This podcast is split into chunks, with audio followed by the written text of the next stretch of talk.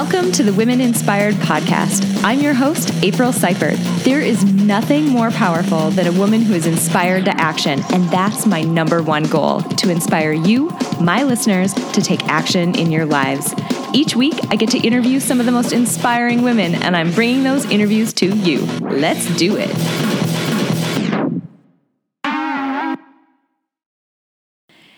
Hey guys, and welcome back to the Women Inspired Podcast. I am your host, April Seifert, and I am thrilled that you joined me for this very special, very personal episode of the podcast. Now, if you are a subscriber, you have likely noticed that this episode hit your phone or your device, wherever you listen to podcasts, on a Monday morning instead of on my typical Wednesday morning release. It's a bit of a different episode, and I wanted to release this episode on a Monday because it ties into the interview that I'm going to be releasing on Wednesday. And another note to just know about this episode is that there's not actually going to be an interviewee on today's episode. Instead, I am going to share with you a very personal story that is fairly recent in my life, but one that, as I mentioned, ties really beautifully to the interview that I'll release on Wednesday. Before I dive into that story, I want to make sure that I am cognizant of who might be listening to this episode. I want to give you a massive heads up. This episode deals with some very heavy um, information about my experiences with postpartum depression and the resulting uh, PTSD type symptoms that I had after experiencing um, you know that time period of my life. I want to make sure that i call that out because i know that there are people out there who are very sensitive to this topic. If this is not something that you're ready to listen to if this is not something that you want to dive into this probably is not the episode for you. Now what i will say is before you shut this off if this is if that you know is something that or a category that you fall into Wednesday's episode is one that I would highly suggest you listen to if that is um, something that resonates with you. If you fall into that category of people for whom this topic is just way too sensitive, Wednesday's episode will be an incredibly powerful episode with a woman named Lisa Wimberger. She is the author of the book called Neurosculpting. And I am releasing my story and my background with postpartum depression and PTSD because I credit her and her techniques as one of the major contributing factors that helped me move through those conditions. And so, if it is something that you are dealing with right now, or something that is still a bit triggering to you, even if you feel like you might not still be dealing with it, I would highly suggest even if you have to turn this week's episode off, I would highly suggest listening to Wednesday's episode. All right, so if you do have to peace out this week, I totally understand. Thank you so much for tuning in. Those of you who are hanging on with me and are in it for this week's episode, um, let's just dive right in. All right, so I mentioned that I uh, this week am planning to share my experiences with postpartum depression. As you can possibly probably imagine, it's not an easy thing to talk about, as it was one of the darkest, one of the most difficult times of my entire life.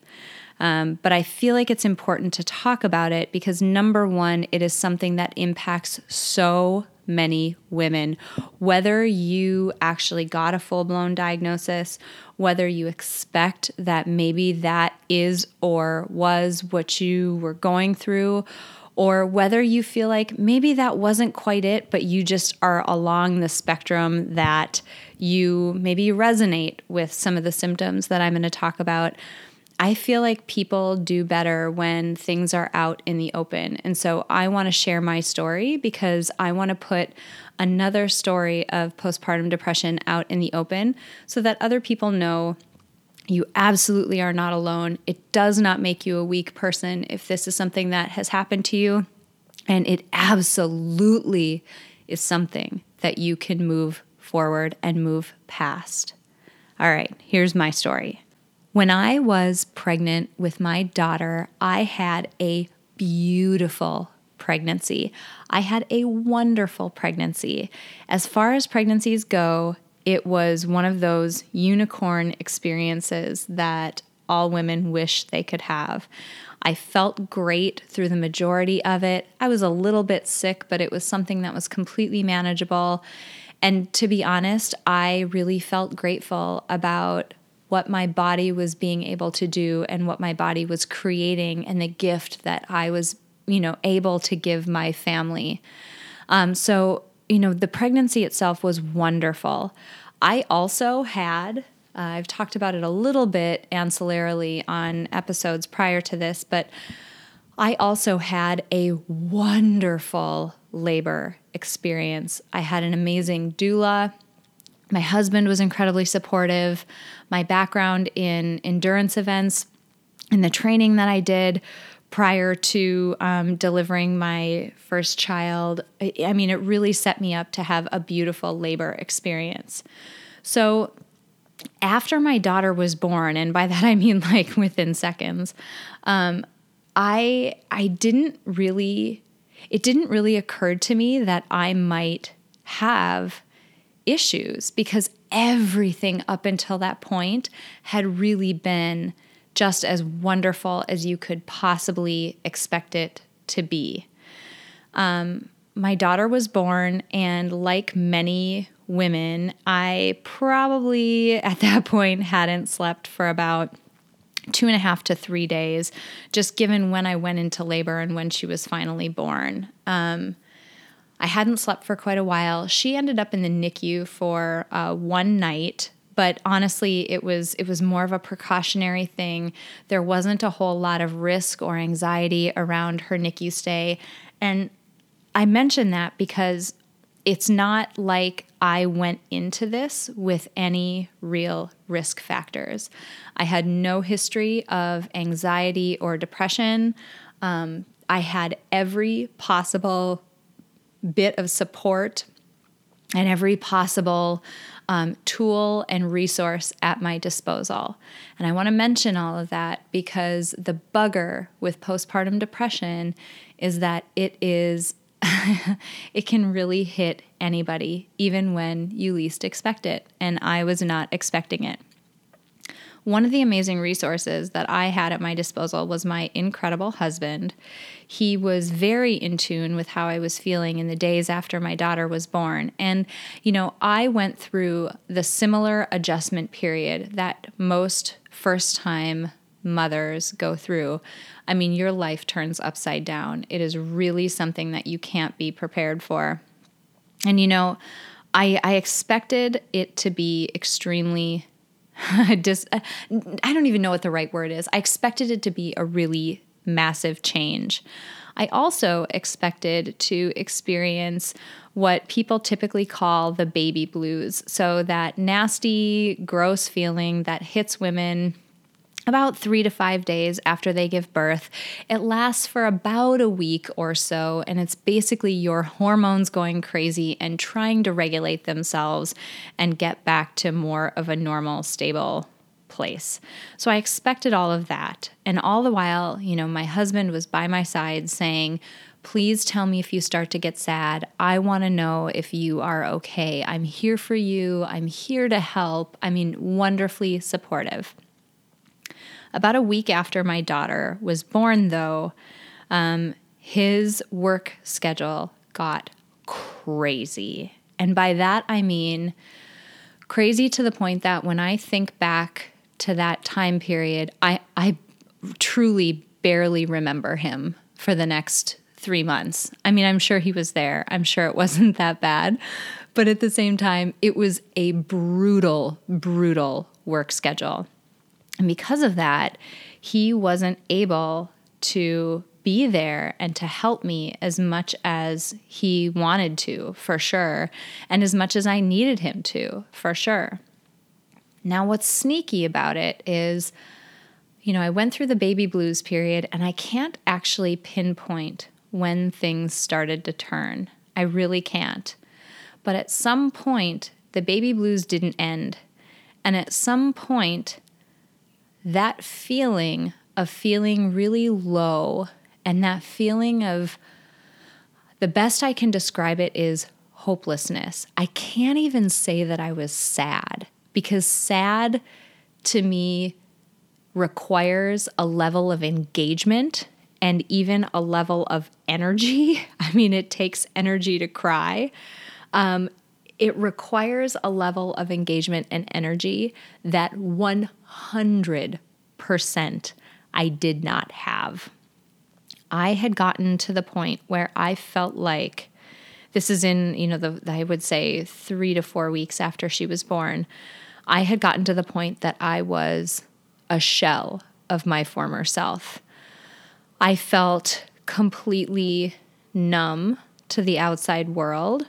I felt like I had no energy whatsoever to even try to pretend like I was okay. And I say it that way because one of the lowest points came when my husband got up one morning and had to go to work and he came downstairs and I had been awake, you know, for hours at that point, um, up with the baby overnight.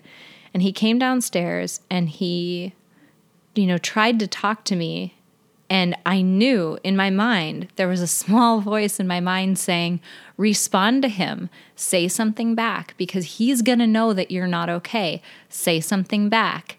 And I literally couldn't muster the energy to even respond. I sat there and I probably looked catatonic because I couldn't muster the energy to respond at all. So, all of that is what was going on on the outside. On the inside, what was going on is, you know, something that is freakishly common for women to experience after they have a baby. And I did not know this. And so I'm going to be really specific about talking about it because it is so common that um, I just feel like it is just horrid that we don't warn women that this is something that can happen to them about uh, gosh maybe three weeks after two weeks maybe after my daughter was born i started having these incredibly violent intrusive thoughts that i couldn't control. I was having just the most horrifying thoughts about the most i mean think of the worst horror film ever terrible, terrible things happening to this baby. It was never me in my mind doing them, so I was never afraid that I was going to hurt her. But it was always someone else, a stranger who I couldn't place, was going to do the most violently horrible things to my daughter. And because of that, what happened is I didn't sleep all night because the baby was awake quite a bit overnight. They tend to do that, little buggers. Good thing they're cute, huh? Um, I was awake all night long. And then all day while she napped, I stayed awake and I stared at her because I felt this incredible responsibility to protect her from the things that were happening in those nightmares, but I wasn't asleep. I mean, those visions that I was having, those intrusive thoughts, they were incredibly repetitive. They happened a couple dozen times a day. I couldn't stop them, and they were incredibly vivid.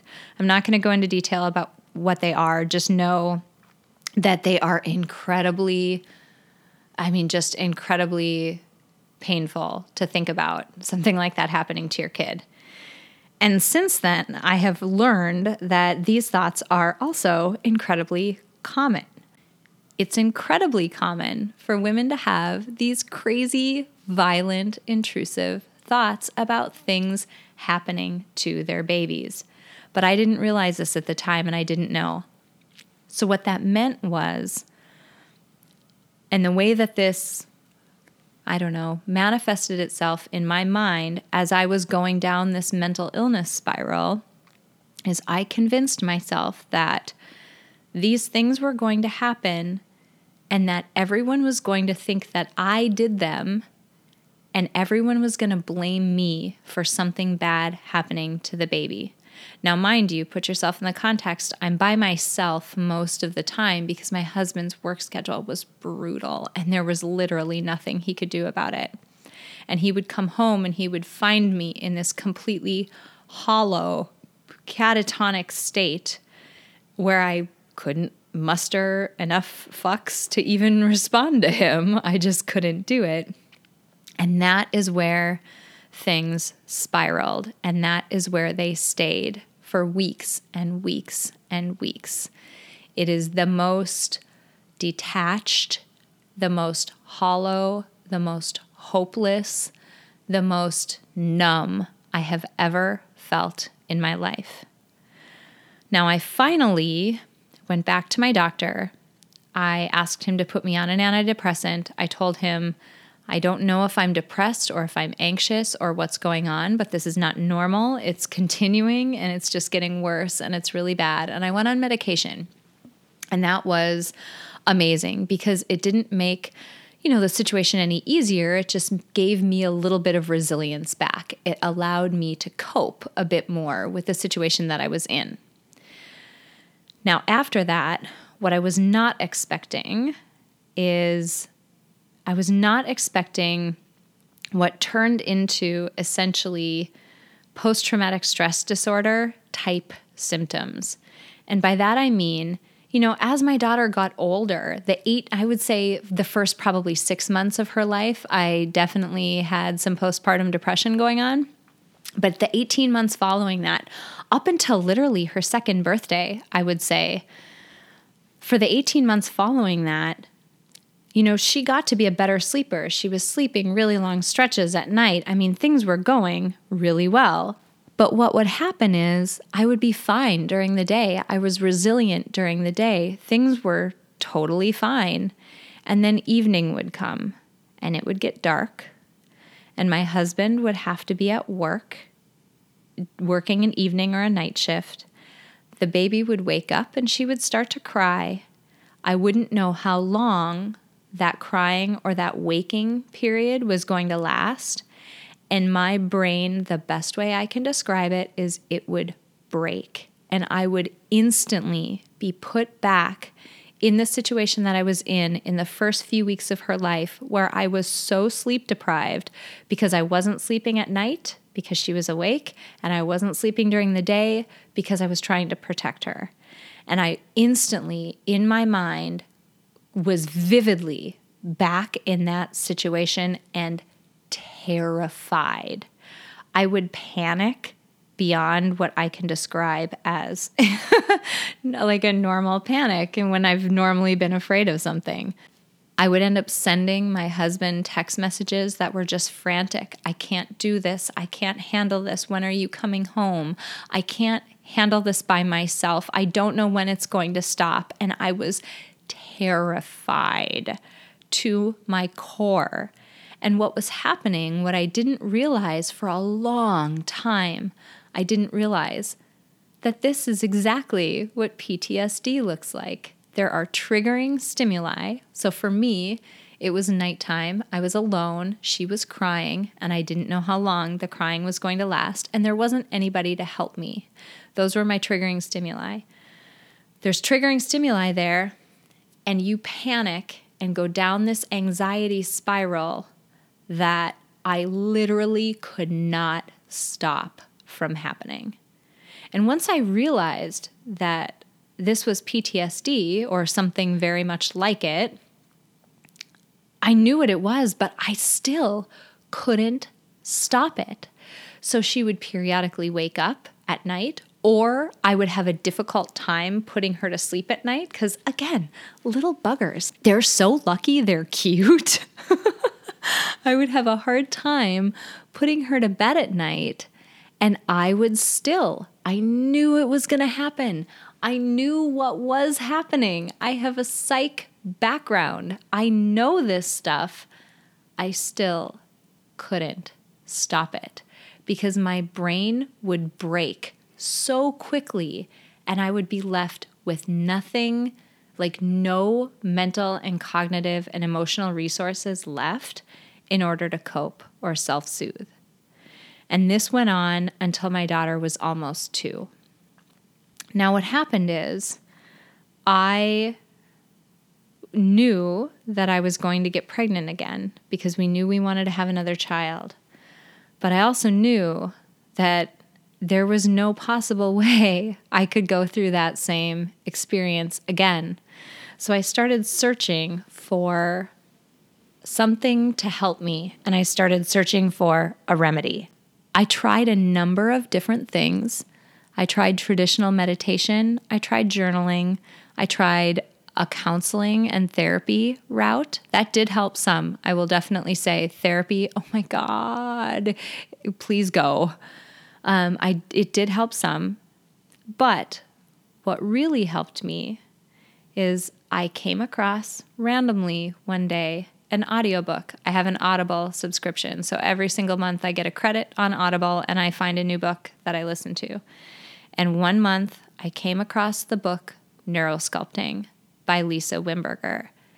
And I get choked up thinking about it because from the moment that I downloaded that book and listened to it, I highly suggest you get the audio book because there are exercises, which is basically like it's basically like meditation on steroids.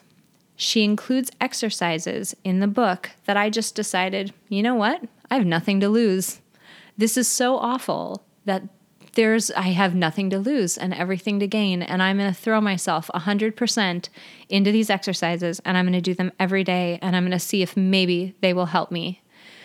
So I started to do them and within 3 weeks of downloading her book, I will never forget this. My husband okay, he was in the bathroom at the time. I'm sure he loves that I'm going to say that. But I walked by the bathroom and he said, Hey, come over here for a second and he was looking at his phone, right? I mean, you look at your phone when you're sitting on the toilet. Um, so he's looking at his phone and he said, You haven't texted me a frantic text message in weeks. And he's like, You have been eerily calm for weeks. What did you do? What happened? You did something. And now, mind you, I had not told him that I downloaded this book. He didn't know that I was doing these exercises. I get up freakishly early every morning and I was doing them at like 5:30 in the morning. So he was not up and he was not aware that this was going on. But for 3 weeks I did these exercises and after 3 weeks the transformation was I mean amazing enough that my husband who had no idea that something that I had done anything different um, it was drastic enough that he brought it up. I owe the biggest debt of gratitude to Lisa Wimberger and her work because she truly, I feel like she gave me my brain back.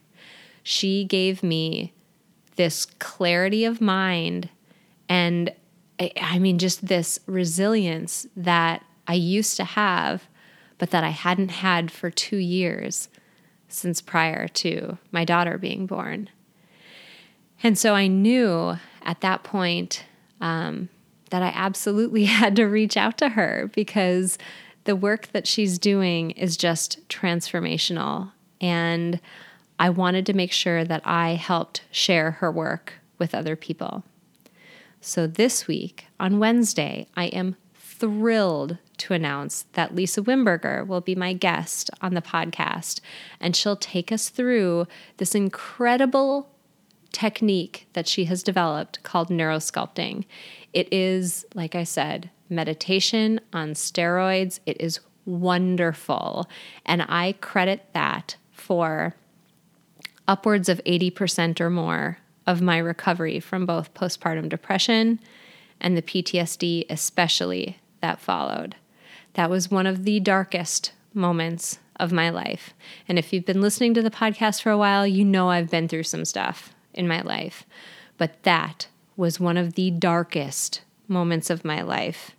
And having come through it and being on the other side, it is incredible incredible. I feel like I am stronger having gone through it. I feel like I am more resilient because of what I learned from that experience and the tools that I now have as a result of Lisa's work. So, this week is a very special, very personal week on the podcast because I wanted to share my story with postpartum depression, both to just put another one out there and let you know that you are not alone, but also I want to help spread the word about the amazing work that Lisa is doing because it is life changing. It changed my life in the most fundamental way, she absolutely gave me my cognitive strength and my resilience back. And if you at all are struggling with mental illness or anxiety or PTSD or OCD or something else, I don't care. I can't guarantee you that you'll have obviously the exact same results that I did, that you'll have as transformational of you know, an experience as I did, but I will say, what do you have to lose? It is worth trying. So, I hope you guys took a little bit away from this story. I hope, if anything, if you are a woman who has experienced this, or you're, you know, a partner of someone who may have experienced it, I want you to know that you are absolutely not alone. There is something on the other side of this, and you absolutely can beat it. Um, reach out for help, get the resources you need. And I, I know that Lisa is one of the ones that really helped me, and I'm thrilled to be able to share her and her work with the rest of you. So I hope you'll tune in for Wednesday's episode. Um, I cannot wait for you to meet her. I can't wait for you to learn more about her work. Thank you guys so much for joining me for this special episode. I really appreciate it. I love you all.